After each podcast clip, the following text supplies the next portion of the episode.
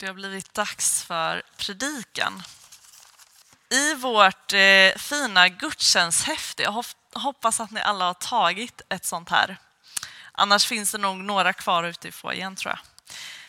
Men där i alla fall så eh, står försoning som rubrik för dagens gudstjänst, som Gustav nämnde också. Ett stort ord som hänger ihop med förlåtelse, men ändå inte.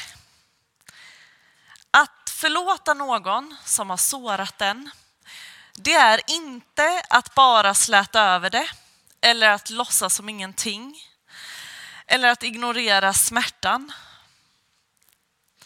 Nej, att förlåta någon, det är att erkänna skadan, erkänna orättvisan och smärtan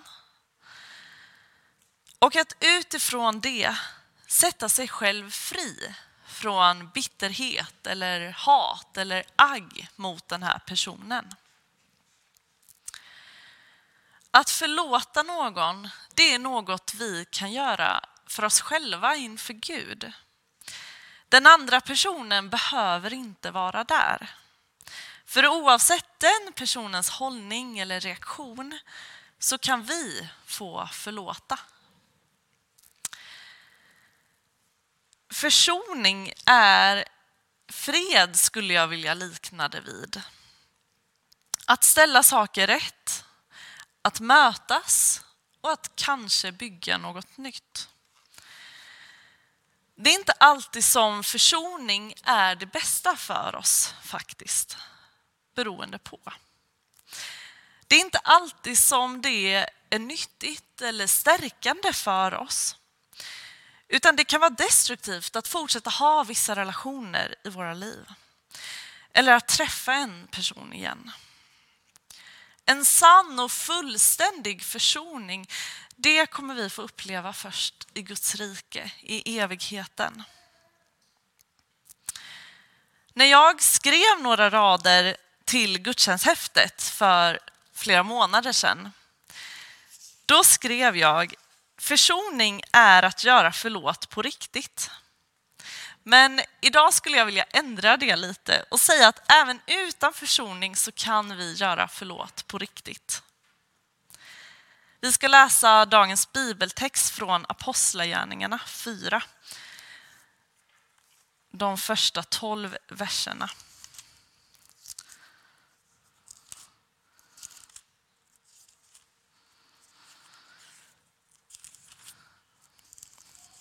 Eh, och som lite bakgrund, Petrus och Johannes har i kapitlet innan fått bli använda av Gud i helandet av en lam man.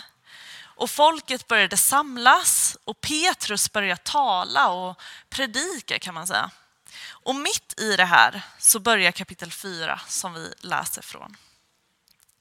Medan de talade till folket överraskades de av prästerna, tempelkommendanten och saddukeerna som inte kunde tåla att apostlarna undervisade folket och med hänvisning till Jesus förkunnade uppståndelsen från de döda. De grep dem och höll dem i häkte till nästa dag eftersom det redan var kväll. Men många som hade hört ordet kom till tro och tillsammans var de nu omkring 5 000 män. Nästa dag samlades de högsta styresmännen samt de äldste och de skriftlärda i Jerusalem. Översteprästen Hannas var där, liksom Kajafas, Jonatas och Alexandros och alla av översteprästerlig släkt. De lät föra fram apostlarna och frågade dem genom vilken kraft eller i vems namn har ni gjort detta? Då fylldes Petrus av helig ande och svarade dem.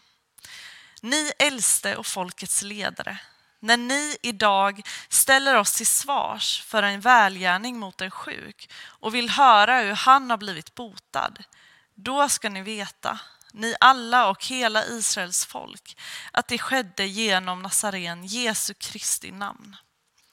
Tack vare honom som ni korsfäste och som Gud har uppväckt från de döda står den här mannen frisk framför er. Jesus är stenen som föraktades av er husbyggare men blev till en hörnsten.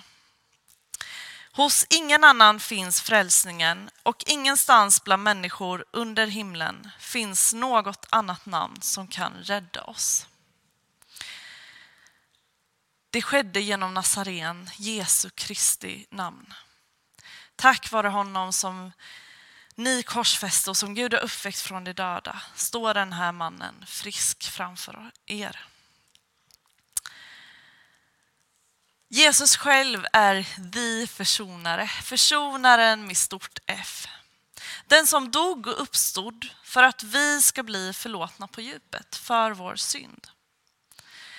Det finns ingen större förlåtelse än den som Gud själv ger oss för vår synd. Och i nattvarden som vi ska få fira idag får vi minnas Jesu försoningsstöd till syndernas förlåtelse. Vi människor sårar varann och hamnar i konflikt. Och det kan kännas helt omöjligt att förlåta. Och då får vi be Gud om hjälp. För i Guds kraft kan vi förlåta det som vi i egen kraft inte förmår förlåta. Precis som Petrus fick kraft att inför de här äldste och ledarna vittna om Jesus fastän han själv troligen var väldigt, väldigt rädd och orolig. När jag var yngre och brottades med min självbild och kände saker som självhat och självförakt, då fick jag ta hjälp av Gud för att börja tycka om mig själv. Jag själv i min egen kraft, jag förmådde inte tycka om mig själv. Jag förmådde inte försonas med mig själv, möta mig själv för den jag var. Men med Guds hjälp så kunde jag göra det. Det var som att Gud fick nöta in sin kärlek i mig tills den till slut blev min egen. Genom korset får vi ta emot Guds nåd, Guds förlåtelse. Och tack vare korset kan vi få förlåta oss själva och andra människor. Amen. Vi ber tillsammans. Herre, jag ber att de här orden ska få landa. Och Herre, om det är något speciellt som du vill att vi ska ta till oss så ber jag att du skulle göra det tydligt för just den personen eller de personerna. Amen.